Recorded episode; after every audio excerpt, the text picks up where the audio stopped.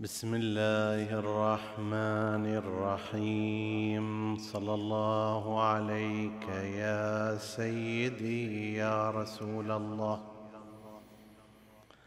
صلى الله عليك وعلى ابن عمك أمير المؤمنين وإمام المتقين. وعلى أهل بيتك الطاهرين. صلى الله عليك يا أبا عبد الله الحسين. ما خاب من تمسك بكم وأمن من لجأ إليكم. يا ليتنا كنا معكم فنفوز فوزا عظيما. قال الله العظيم في كتابه الكريم بسم الله الرحمن الرحيم. وجعلنا منهم أئمة يهدون بأمرنا لما صبروا. آمنا بالله. صدق الله العلي العظيم. عطروا مجالسكم بذكر محمد وآل محمد.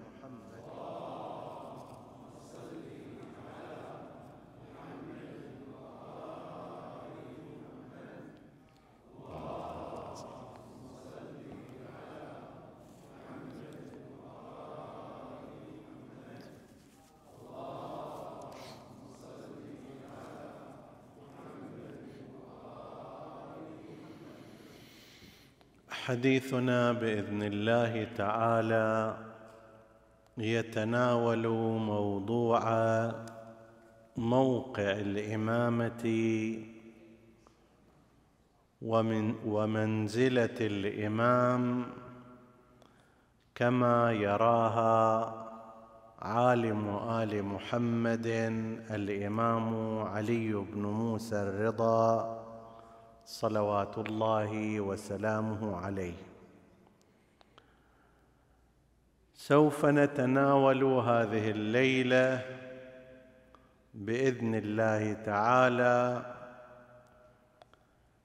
الحديث المشهور عن الإمام الرضا عليه السلام والمفصل الطويل الذي تحدث فيه عن صفات الإمام وعن موقع الإمامة.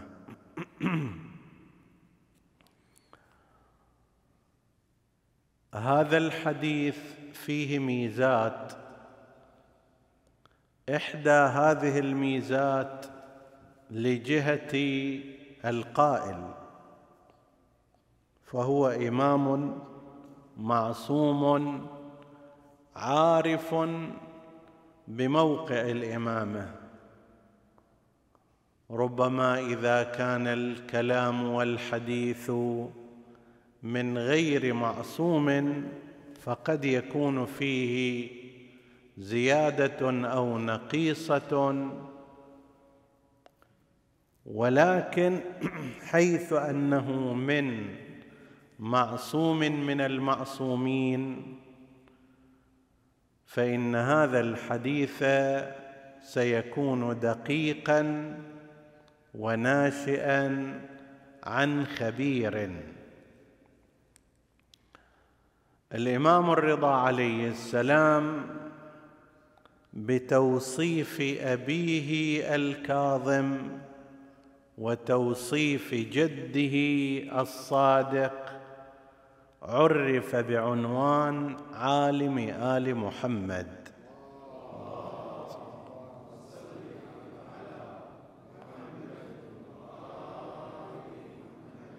وقد ذكرنا في كتاب لنا بهذا الاسم عالم آل محمد الإمام علي بن موسى الرضا وجه هذه التسمية وهذا اللقب وأن ذلك منطبق تماما على ما قام به الإمام الرضا عليه السلام سواء في كمية ما نقل عنه من العلم أو في مضامين ذلك المنقول وفي عمقه. فاولا لجهة أن القائل هو الإمام الرضا عليه السلام ينبغي العناية الكافية بمثل هذا الحديث والرواية. الثاني أن هذه الرواية والحديث قد تم نقله في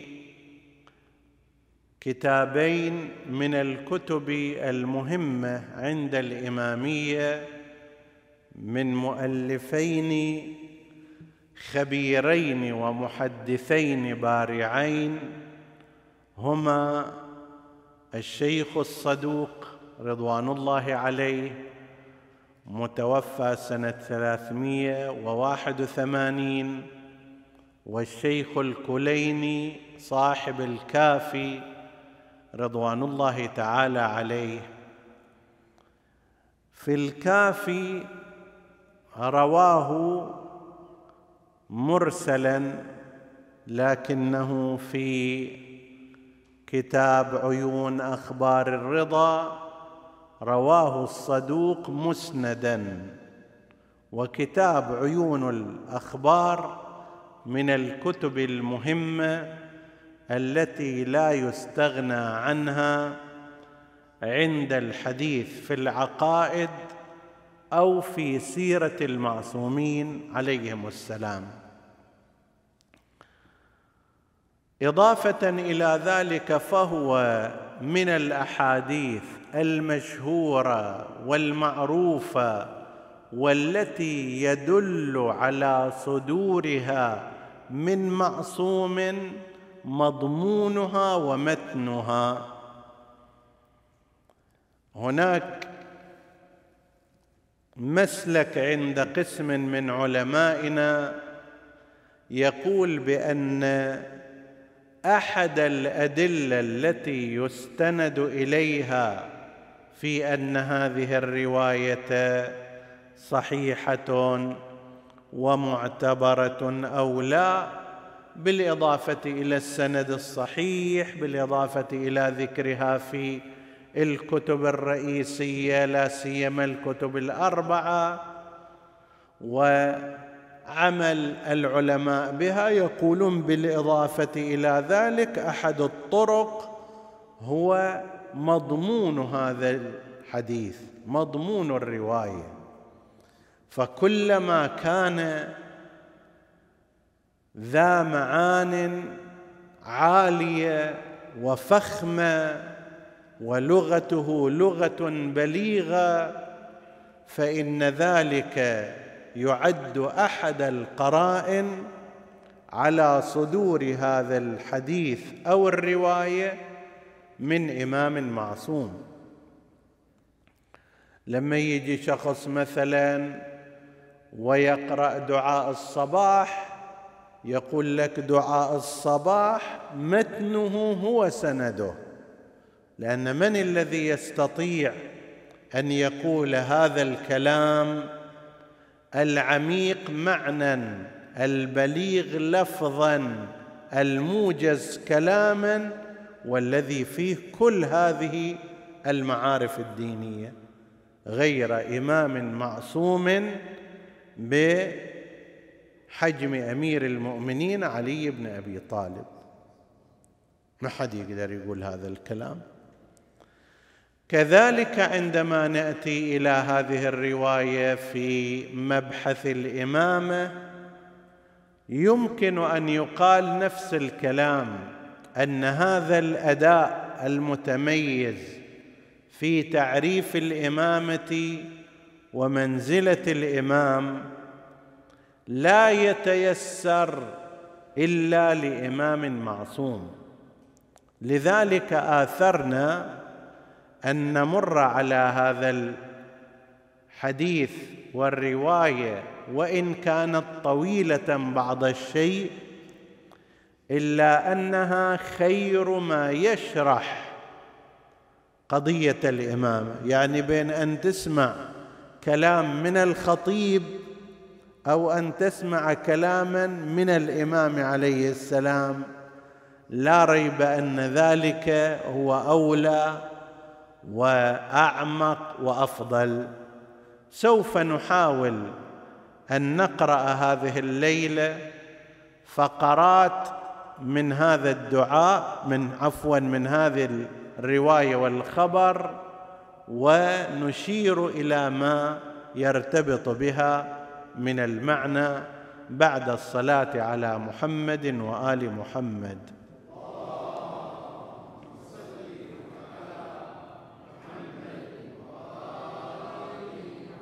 هناك جهة إضافية أيضا لهذه الرواية وهي أنها كانت في جو تقريبا كان مفتوحا من الناحية الفكرية والثقافية.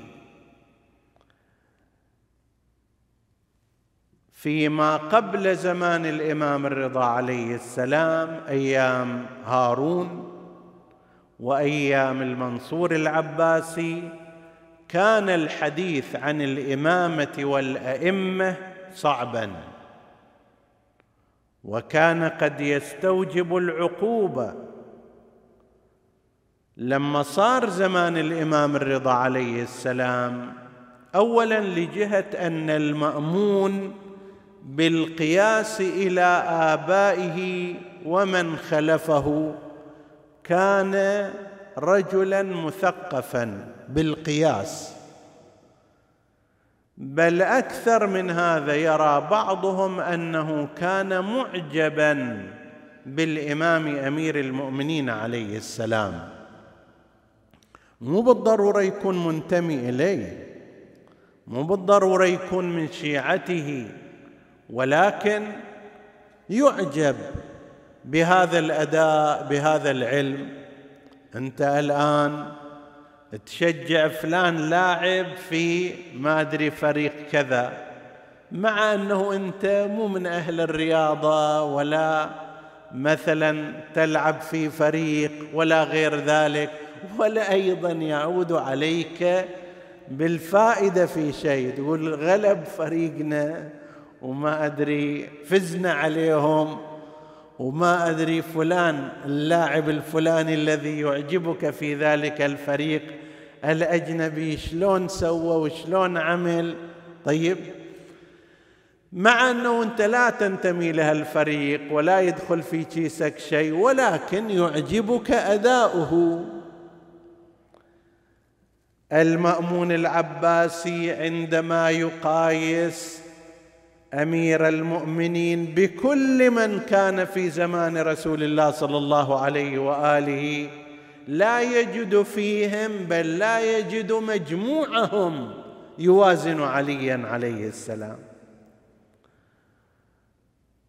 هذا الجو اللي كان وأكد على أن المأمون الحجة عليه أكثر لأنه مع معرفته بالإمام ارتكب في أبنائه ما ارتكب. فالحجة عليه واللوم عليه والعقوبة عليه أكبر من غيره. لكن هذا أدى إلى أن تصير حوارات ونقاشات ومؤتمرات دولية ومناظرات في العقائد كثيرة جدا. وكان بإمكان الواحد أن يقول آراءه وأفكاره بغير خوف كما كان في الأزمنة السابقة التي ذكرناها. فهذا أيضا يضيف جهة من جهات أهمية هذه الرواية أن حالة التقية فيها قليلة أو غير موجودة. فخلينا نشوف ماذا قال الإمام الرضا عليه السلام. الرواية هكذا ينقلها الشيخ الصدوق في عيون أخبار الرضا مسندة إلى عبد العزيز ابن مسلم وهو أحد أصحاب الإمام عليه السلام. يقول كنا في أيام علي بن موسى الرضا عليه السلام بمرو. الرواية في مرو يعني بعد سنة 201 هجرية مو قبل قبل حوالي سنتين ونصف من شهادة الإمام الرضا عليه السلام. فاجتمعنا في مسجد جامعها في المسجد الجامع في يوم الجمعة في بدء مقدمنا. فإذا نرى الناس يتناقشون في أمر الإمامة أو فإذا بالناس يتناقشون في أمر الإمامة. في خراسان؟ حوالي سنة 200 201 هجرية المسجد الجامع يوم الجمعة الموضوع للنقاش ما هو؟ موضوع الإمامة. طبعا تعلمون وذكرنا هذا أن الامامه بمقاييس مدرسة الخلفاء تختلف عن الإمامة بمقاييس مذهب أهل البيت عليهم السلام. وذكروا كثرة اختلاف الناس فيها طبيعي نظريتان مختلفتان. أصلا بعض الفرق المسلمة ينقل عنهم وإن كانوا هم ينكرون ذلك لشناعة الرأي ينقلون عنهم أنه في قضية الإمامة لا يجب لا عقلا ولا نقلا لا على الله ولا على الناس نصب الإمام ما يحتاج أصلا. ماذا يصنع الناس؟ كل واحد حسب التعبير حسب تعبيرهم يتناصف الناس فيما بينهم.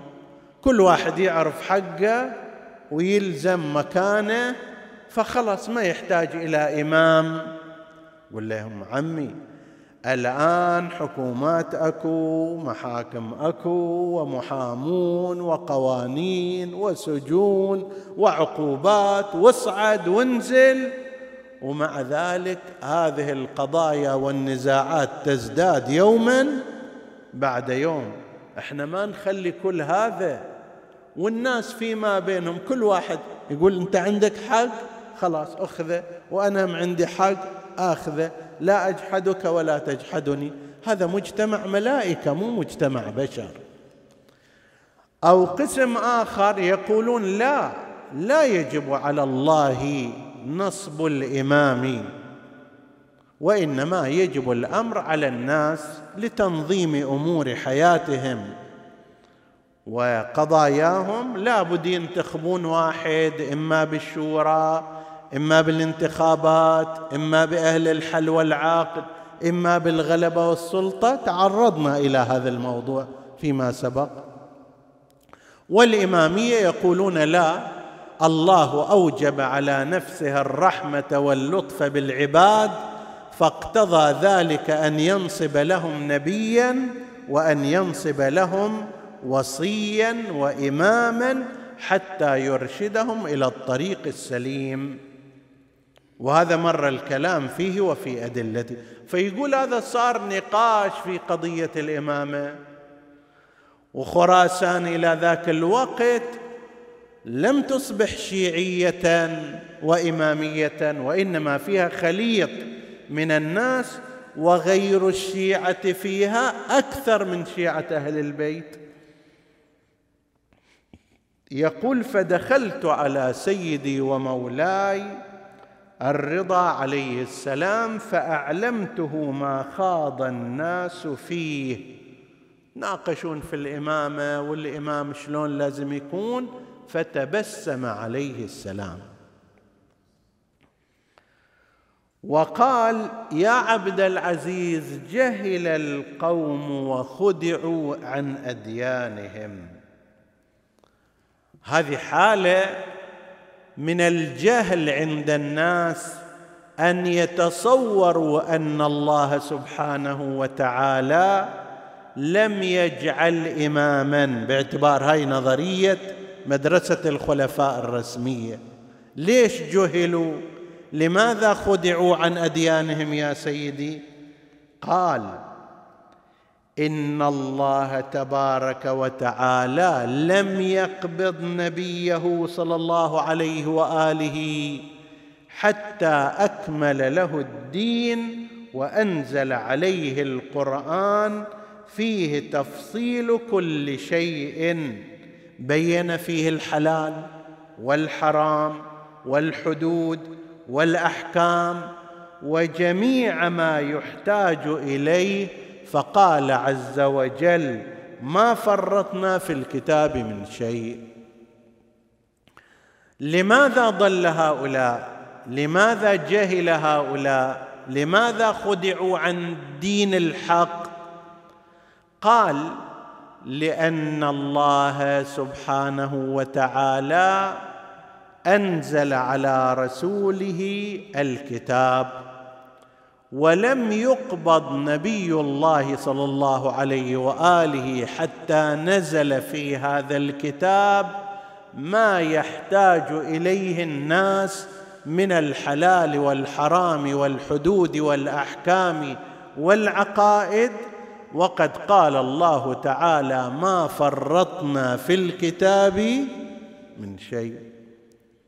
ما نسينا شيئا. ما تركنا شيئا ما أغفلنا شيئا في هذا الكتاب.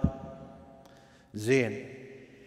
إذا كانت الأحكام إذا كانت القضايا والحدود إذا كانت المسائل الفقهية قد بينت في الكتاب حتى على مستوى كفارة حنث اليمين واحد أقسم بقسم مشروع طبعا. أحداهن تسأل اليوم أنه أنا جبت القرآن وتوجهت إلى القبلة وأقسمت بالله تعالى على أنه ما أطبخ لأهلي بعد خلاص. فالحين وش أسوي ويا هذا القسم؟ لازم أكفر لو كذا قلت لها هذا القسم لا يسوى فلسا واحدا. وروحي سوي إلى أهلك وإلى عيالك وإلى أولادك ما كنت تصنعينه من غير خوف ولا وجل ولا يحتاج كفارة ولا هم يحزنون. شلت القرآن لو شلت الإنجيل ماكو فرق. لماذا لأن اليمين لا بد أن تتعلق بأمر راجح من الناحية الشرعية أو من الناحية الدنيوية. فيه رجحان شرعي. أما لو أنا أقسمت على أن أضرب أخي مثلا لا ينعقد هذا. ليش؟ لأن هذا فعل غير جائز مرجوح. لو أقسمت على أنه ما أصلي نوافل بعد. شايف قسم من الناس لما يجي شهر رمضان يهونوا عن النوافل. يا جماعة رمضان شهر الطاعة. أنت كنت في سائر الأيام ما تترك نوافل صلاة المغرب. الآن وقت اللي اجى الموسم اللي فيه الجزاء والعطاء بلا حدود. هذا تضيعه عليك. لذلك أنا أدعو اولا المصلون ينبغي أن يقولوا ليه؟ إمام الجماعة وبعض أئمة الجماعة يقول بعد المصلون مستعجلون يريد يروح يفطر فأنا مضطر أنه أصلي. صلاة مقشرة لا فيها لا لون ولا طعم ولا رائحة ولا نافلة ولا هم يحزنون. يابا هذا مو زين. رمضان فرصة تهتبل لأجل الطاعة. أنا اللي كنت في درجة ستين في شعبان في شهر رمضان أصير في درجة ثلاثين. مش معقول؟ وين رحنا إحنا؟ كنا في موضوع اليمين. هذا مو راجح شرعا أنه أنت تجي أجي أحلف مثلا أنه أترك النوافل. مو راجح شرعا. لا تفعل هذا اليمين وليس عليك كفارة ولا ولا أي شيء آخر. ولست ماثوما في ذلك. أطبخي إلى أهلك وارجعي إلى وضعك لا يحتاج إليك كفارة ولا تتأثمي في ذلك لأن هذا الأمر أمر شنو؟ غير راجح شرعا. كفارة اليمين وردت في القرآن الكريم فكفارته إطعام عشرة مساكين أو كسوتهم. هذا المسألة الشرعية التفصيلية جدت في القرآن الكريم تتصور أن قضية الإمامة وما يرتبط بها لم تأتي في القرآن الكريم؟ فذاك الوقت يصير قد فرطنا في الكتاب في قضية من أهم القضايا لو لم تكن أهم القضايا بعد التوحيد والنبوة والمعاد. أهم العقائد هو قضيه الامامه بعد هذه. ما يتحدث فيها القرآن غير معقول هذا. مسائل شرعية بسيطة يتكلم فيها. قصص من قصص الماضين يتكلم فيها. لا يفرط فيها من شيء ويفرط في قضية مثل قضية الإمامة. اللي مو بس في زمانه. صلى الله عليه وآله سوف تؤثر. سوف تؤثر إلى ألفين وثلاثة آلاف وعشرة آلاف سنة. الآن ما هو موجود من مدارس مختلفة في العقائد في الفقه في الانتماء الاجتماعي من وين؟ مبدأه من الإمامة. فريق من المسلمين يرى إمامة الخلفاء ويأخذ منهم فقههم وعقائدهم. فريق آخر من المسلمين يقول أن أئمة أهل البيت عليهم السلام هم أئمة الحق الذين ينبغي أن يؤخذ منهم العقائد والفقه. إلى اليوم هذا الكلام موجود من سنة 11 هجرية وإلى يومك هذا وإلى أن يبقى هذا الدين. مو قضية بسيطة دا تأثر من ذاك الزمان إلى زماننا في كل جيل وفي كل زمان. كيف يتركها القرآن الكريم؟ يقول إن الله تبارك وتعالى لم يقبض نبيه حتى أكمل له الدين وأنزل عليه القرآن. فيه تفصيل كل شيء بين فيه الحلال والحرام والحدود والأحكام وجميع ما يحتاج ما يحتاج إليه كملا.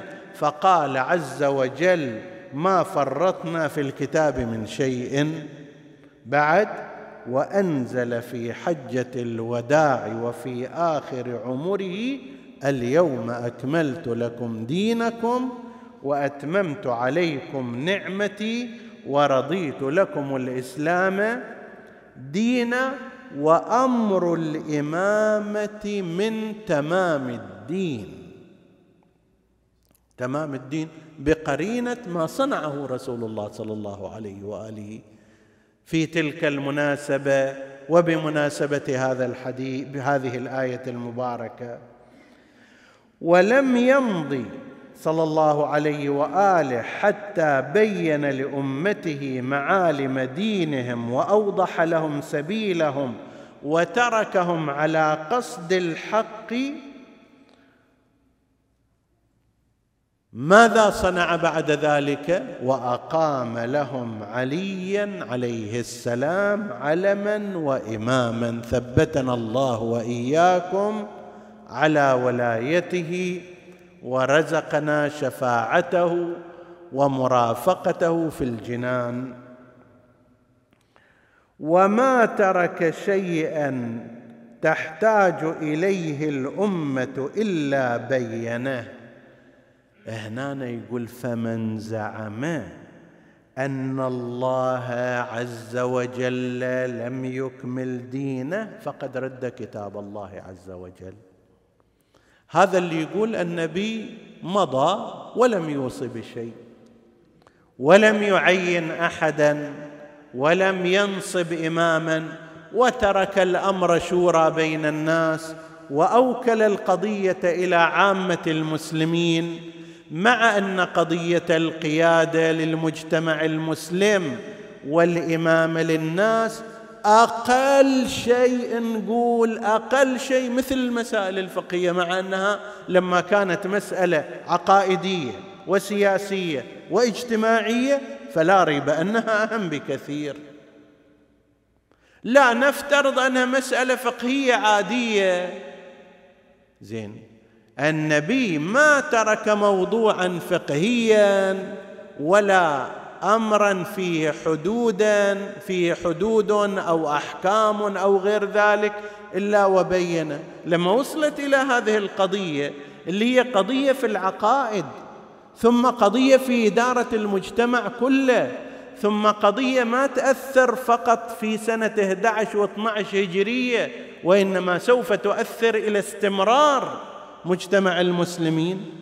اللي يزعم أن النبي صلى الله عليه وآله لم يفعل شيئا في هذا فهذا يعتبر أن الكتاب قد فرط فيه في بعض الأشياء وأن النبي لم يكمل مسؤوليته ولم يتمم رسالته ببلاغها إلى الأخير. وهذا إذا واحد مع التفاته إلى هذا هذا جدا مشكل في عقيدته. من يعتقد أن القرآن ناقص مو هذا اللي يجي يقول لي أنه والله الشيعة يقولون القرآن فيه تحريف وكذا وهي فرية وكذبة اختلقها بعضهم ثم هذا البعض صدقها. نفس هذا اللي اختلقها وصنعها هو صدقها. مع كلام علماء الإمامية على طول تاريخهم واستدلالاتهم على خطأ ذلك. بس هذا مو هذا اللي يقول القرآن فيه النقص. اللي يقول أن قضية كقضية الإمامة بأهميتها في المجتمع المسلم وبمركزيتها في منظومة العقائد وبآثارها الممتده إلى مئات السنين. مع ذلك فرط فيها في الكتاب فلم تذكر وأغفلها الرسول فلم يعين شيئا. هذا اللي لازم واحد يناقش عقائده. أنت تقول بنقص القرآن إذا تقول هذا الكلام. أنت تقول بوقوع التفريط في القرآن. ومن يزعم ذلك يكون على حد الكفر كما يقول إمامنا الرضا عليه السلام. ومن فمن زعم أن الله عز وجل لم يكمل دينه فقد رد كتاب الله ومن رد كتاب الله فهو كافر. هل يعرفون قدر الإمامة؟ ومحلها من الأمة. ذول اللي يتكلمون يعرفون الإمامة شنو هي. لو يتصوروا الإمامة الثوب اللي لبسه يزيد ابن معاوية. هاي إمامة. الثوب اللي لبسه الوليد ويزيد ابن الوليد وأمثال هؤلاء ومنصور العباسي وفلان. هذه هي الإمامة اللي يتصوروها. لا الامامه شيء آخر. لذلك نقول هؤلاء كما قال الإمام جهل القوم خدعوا عن دينهم. إن الإمامة شوفوا إن الإمامة يقول هؤلاء هل يعرفون قدر الإمامة ومحلها؟ فيجوز فيها اختيارهم. ما يعرفون الإمامة كيف يصيروا هم اللي يعينوها وينصبوها. إن الإمامة إن الإمامة أجل قدرا وأعظم شانا وأعلى مكانا وأمنع جانبا وأبعد غورا من أن يبلغها الناس بعقولهم أو ينالوها بآرائهم أو يقيموا إماما باختيارهم. الامامه مو شيء بسيط اللي الناس يسووها وينتخبون وينصبون. هم لا يعرفون أي إمامة نتحدث عنها. فكيف يعينون الإمام؟ طيب يا مولانا يا أبا الحسن ما هي الامامه التي هي؟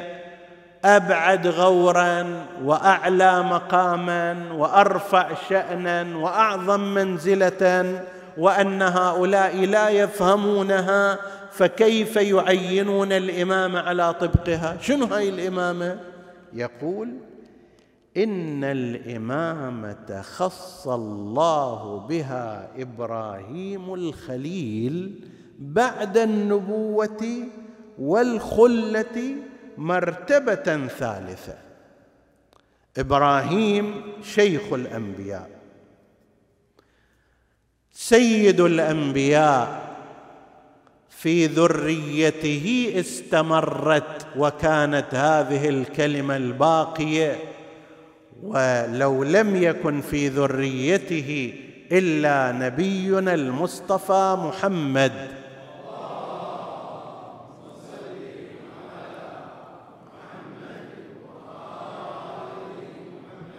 لكفى بذلك شرفا. يقول إبراهيم النبي أول شيء أعطاه الله النبوة. ارتقى صار خليل الله. ارتقى صار رسول إلى الناس. ارتقى فوق ذلك ابتلاه الله بكلمات فأتمهن.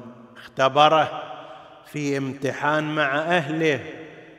إني قد أسكنت إني أسكنت من ذريتي بواد غير ذي زرع. اطلع عن اهلك. خليهم في مكان لا زرع فيه ولا ضرع فيه ولا امن فيه. هذا أمر الله عز وجل. شلون يا رب؟ ما فيها شلون؟ اطلع. خرج من هذا مرفوع الرأس. بعد ما انجب المولود وكبر. الحمد لله الذي وهب لي على الكبر. إسماعيل. طيب هنا تعال اذبحه. يا رب كيف واحد يذبح ابنه بعد ما اجى؟ شقد صار شغل حتى اجى؟ لا اذبحه. جاء به إلى ذلك المذبح. فلما أسلم وتله للجبين هناك وناديناه أي يا إبراهيم قد صدقت الرؤيا. إنا كذلك نجزي المحسنين اجتاز مرحلة بعد مرحلة وإذ ابتلى إبراهيم ربه بكلمات فأتمهن. هالمراحل هذه كلها قضاها بالتمام والكمال؟ قال إني جاعلك للناس إماما. هاي الإمامة اللي يتكلم عنها الإمام الرضا عليه السلام واللي جاءت مرتبه ثالثه ومرحلة ثالثة بعد النبوة والخلة والابتلاءات المتعددة. وفضيلة شرفه بها جل ذكره فقال إني جاعلك للناس إماما. فقال الخليل عليه السلام سرورا بها ومن ذريتي؟ قال الله عز وجل لا ينال عهدي الظالمين. لاحظوا ما يقول لا ينال الظالمون عهدي. العهد هو اللي ينال المؤهل. النبوة تجي إلى النبي مو النبي يروح إلى النبوة. التنصيب يأتي من الأعلى ويدور صاحبه كود أكو يجي عليه. الإمامة مو الإمام يقول لربه يا قبل الإمامة يا رب سويني إمام ويروح هو وراء الإمامة. لا. وإنما الإمامة تأتي عهد الله يأتي من الأعلى. هذا العهد لا ينال ظالما. ظالم ذكرنا في الليلة التي تحدثنا عن هذه الآية المباركة من ارتكب ذنبا من الذنوب في أول عمره أو آخر عمره فهو ظالم. ظلم نفسه اولا وظلم حق ربه في طاعته. طيب فهذا ظالم. هذا العهد الإلهي ما يروح على ذاك الذي ارتكب ذنبا. ولذلك التزمنا الإمامية بأنه النبي والإمام. لا يذنب لا قبل النبوة والإمامة ولا بعد النبوة والإمامة. لا أول العمر لا آخر العمر لا سهوا لا عمدا. ليش؟ لأنه في كل ذلك سيكون بذنبه ظالما. وإذا كان ظالما لا ينال عهد الله انسانا ظالما. يقول الإمام عليه السلام فأبطلت هذه الآية إمامة كل ظالم إلى يوم القيامة. أي واحد يعنون بعنوان الظلم هذه الإمامة اللي اسمها عهد الله لا ينال عهدي. إمامة إمامة صلاة الجمعة الجماعة يصير واحد. أول عمره مذنب بعدين تاب صار آدمي إمامة جماعة ما يخالف. إمامة بمعنى ولاية على بلد أو على منطقة أو غير ذلك أذنب أول عمره تاب بعد ذلك انتهى الأمر خلاص يتولى. لكن هذه الامامه التي نتحدث عنها وهي أعظم شأنا وأرفع منزلة وأبعد غورا وهي ثالثة الخلة وهي ثالثة الخلة والنبوة في قضية إبراهيم. هذه الامامه إليها مقياس خاص. لا ينالها شخص قد ارتكب ذنبا ما في حياته. فأبطلت هذه الآية إمامة كل ظالم إلى يوم القيامة وصارت في الصفوة ثم أكرمه الله بأن جعلها في ذريته أهل الصفوة والطهارة. فقال ووهبنا له إسحاق ويعقوب نافلة وكلا جعلنا صالحين وجعلناهم ائمه يهدون بأمرنا. أنبياء رسل لكن أيضا هم أئمة يهدون بأمر الله عز وجل. أكو عندنا هداية عادية. أنت تتحدث مع إنسان ضال تهديه لكن هذه مو هداية بأمرنا. الهداية بأمرنا شيء آخر. شنو هو أمرك يا رب؟ إنما أمره إذا قال شيئا أن يكون إذا أراد شيئا أن يقول له كن فيكون. هذه فيها إشارة إلى ذلك الأمر. يهدون بأمرنا وأوح وهذا إلى بحث طويل لكن مو الآن. وأوحينا إليهم فعل الخيرات وإقام الصلاة وإيتاء الزكاة وكانوا لنا عابدين فلم يزل فلم تزل في ذريته يرثها بعض عن بعض قرنا فقرنا حتى ورثها النبي المصطفى محمد.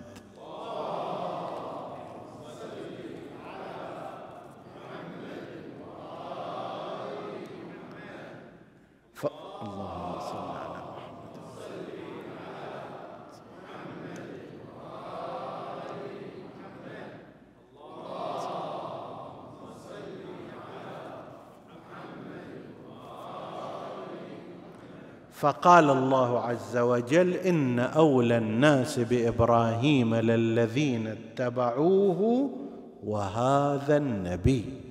صلى الله عليه وآله.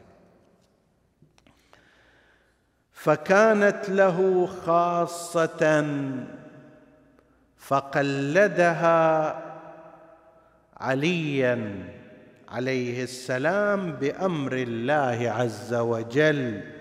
على رسم ما فرضها الله عز وجل فصارت في ذريته الأصفياء. إني تارك فيكم ما إن تمسكتم بهما لن تضلوا من بعدي أبدا كتاب الله وعترتي أهل بيتي. أما إنهما لن يتفرقا حتى يردا علي الحوض.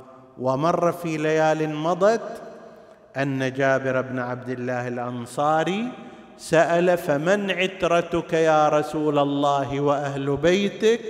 فقال أولهم علي بن أبي طالب. وبعده ابنه الحسن وبعده الحسين ثم تسعة من ذرية الحسين صلوات الله وسلامه عليهم أجمعين. فهذه هي الإمامة التي يتكلم عنها. ذولا رايحين في المسجد ومتكلمين كذا وكذا. لا الإمامة هي هذه التي تسلسلت حتى وصلت إلى إبراهيم. وفي إبراهيم في ذريته جعلت حتى وصلت إلى نبينا المصطفى صلى الله عليه وآله. والنبي امتدادهم حيث صارت في عترته وذريته وأهل بيته وهم الأئمة الاثنى عشر. ثبتنا الله وإياكم على ولايتهم ونفعنا بشفاعتهم إنه على كل شيء قدير. وكان المناسب بهذه الأمة أن تأخذ هدايات رسول الله صلى الله عليه وآله. حتى لو بالمقاييس العادية. دع عنك قضية التنصيب الالهي والتعيين الرباني وما ذكرنا في مقامات أهل البيت عليهم السلام من الارتباط الغيبي والاتصال الإلهي.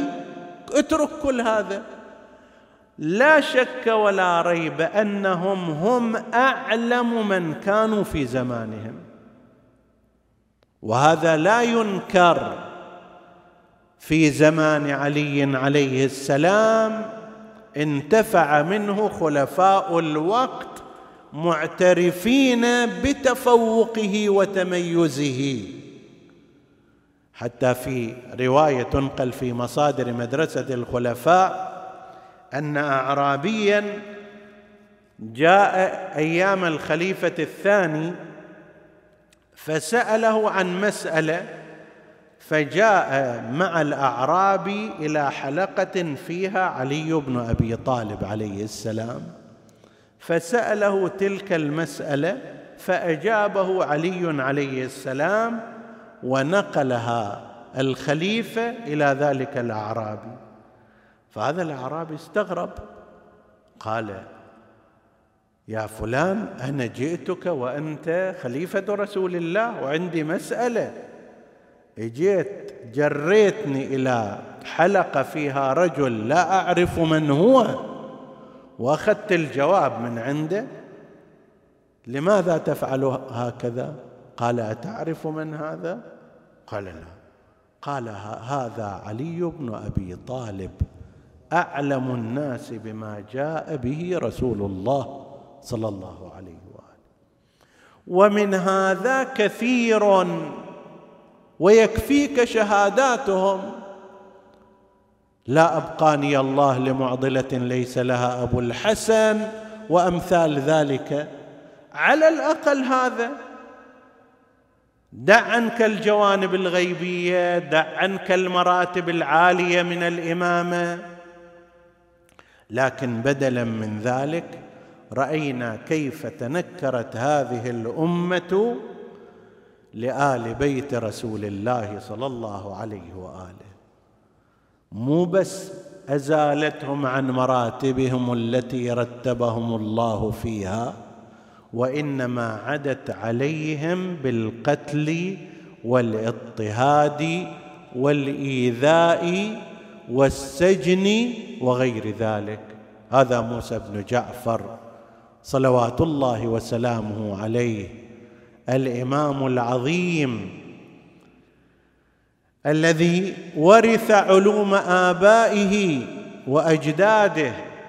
وإذا بهارون العباسي يأتي من سنة 179 هجرية يأخذه إلى سجون متعددة سجنا بعد سجن وما خرج خروجه النهائي من هذه السجون إلا جثة على جسر بغداد. هذا ابن رسول الله صلى الله عليه وآله. هذا ينفعكم في أمور دينكم ودنياكم لكن وجدت أنهم أوردوا عليه من العذاب والأذى والشدائد ما نقل عن الإمام عليه السلام أنه وهو الصبور وهو المتحمل وهو المتجلد لكثرة الأذى والعذاب. رفع يديه إلى السماء يا مخلص الشجر من بين ماء وطين ومخلص الجنين من بين مشيمة ورحم ومخلص اللبن من بين فرث ودم. خلصني من سجن هارون. شنو سووا بالإمام اللي وصل وهو الصابر كاظم الغيظ؟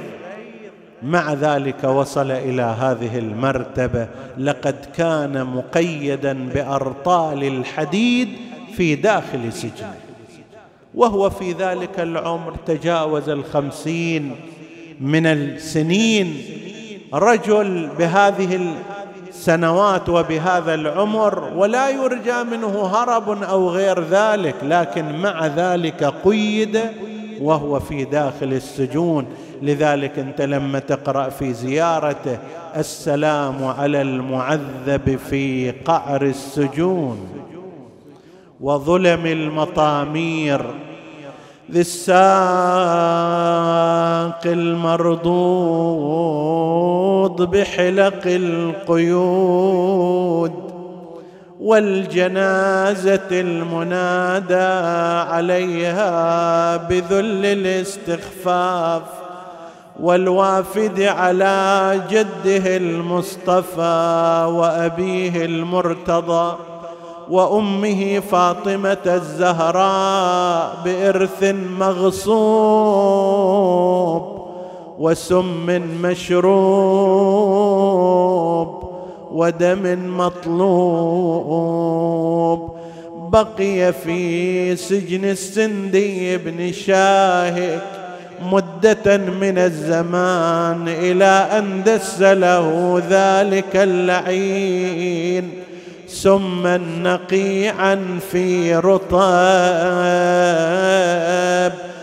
فتشرحت أحشاؤه. وقضى نحبه مسموما مظلوما غريبا. أين المنادي وإماما؟ وسيداه عالجوا ولاجوا قضى نحبه غريب. ولا حضر يمه صحابة ولا قريب. عقب قيده وحديده وذيك الأغلال. دس برطاب سم ناجع وشتال أكل بعضه ومن نال ما نال حسبكم قال نلت اللي تريدون. قيل أنه دخل عليه أحد اصحابه قبل موته نادى متى الفرج يا سيدي؟ قال فرجي مما أنا فيه بعد ثلاثة أيام على جسر بغداد. قل لشيعتي فلينتظروني. اجتمع الناس على جسر بغداد. وإذا بجنازة محموله على أربعة حمالين. إذا واحد من أغمار الناس من أقل الناس عنده عشرين مشيع وثلاثين مشيع. وهذا ابن بنت رسول الله أربعة حمالين مستأجرين حملوا جنازته وألقوا بها على ذلك الجسر. ونادى المنادي ألا ومن أراد أن يتفرج على إمام الرافضه فهذا موسى بن جعفر. وأصبحت بغداد كلها على الجسر متجمع. هذا متشمت وهذا فوق خدم. والجنازة ويح قلبي على حماميل. أربعة وفوق ذاك الجسر مدوا مهجتك يا مرتضى. وقاف يم جنازته ابن سويد وياه الطبيب. شال شفيده وشمه وارتفع من النحي. صاح هذا من عشيرة لو بلدتكم. غريب كان تسأل عن سبب موته ترى بالسم قضى. وجهزوا شيخ العشيرة بالمعزة وغسلوا بردة بعشرين ألف لبن جعفر كفنوه. صاح المحشم يا شيعة إمامكم قوموا احملوا طلعت الشيعة بضجة للسرير معرضة. عن غريب الغاضرية وين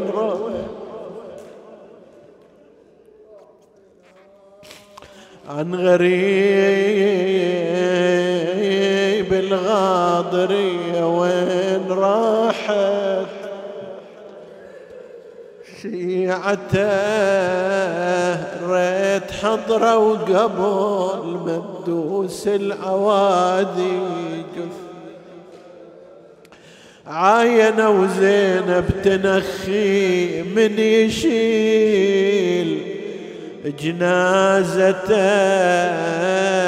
جثته ظلت على حر الصعيد مرضضة. ما إن بقيت من الهوان على الثرى ملقا ثلاثا في ربا ووهادي. يا الله اغفر لنا ذنوبنا كفر عنا سيئاتنا آمنا في أوطاننا. لا تسلط علينا من لا يخافك ولا يرحمنا. ولا تفرق بيننا وبين محمد وآله طرفة عين. احفظ اللهم إخواني السامعين فردا فردا واقض حوائجهم. اشف اللهم مرضاهم. تقبل عمل المؤسسين بأحسن القبول إلى أرواح موتاهم وموتى السامعين. نهدي ثواب الفاتحة تسبقها الصلوات.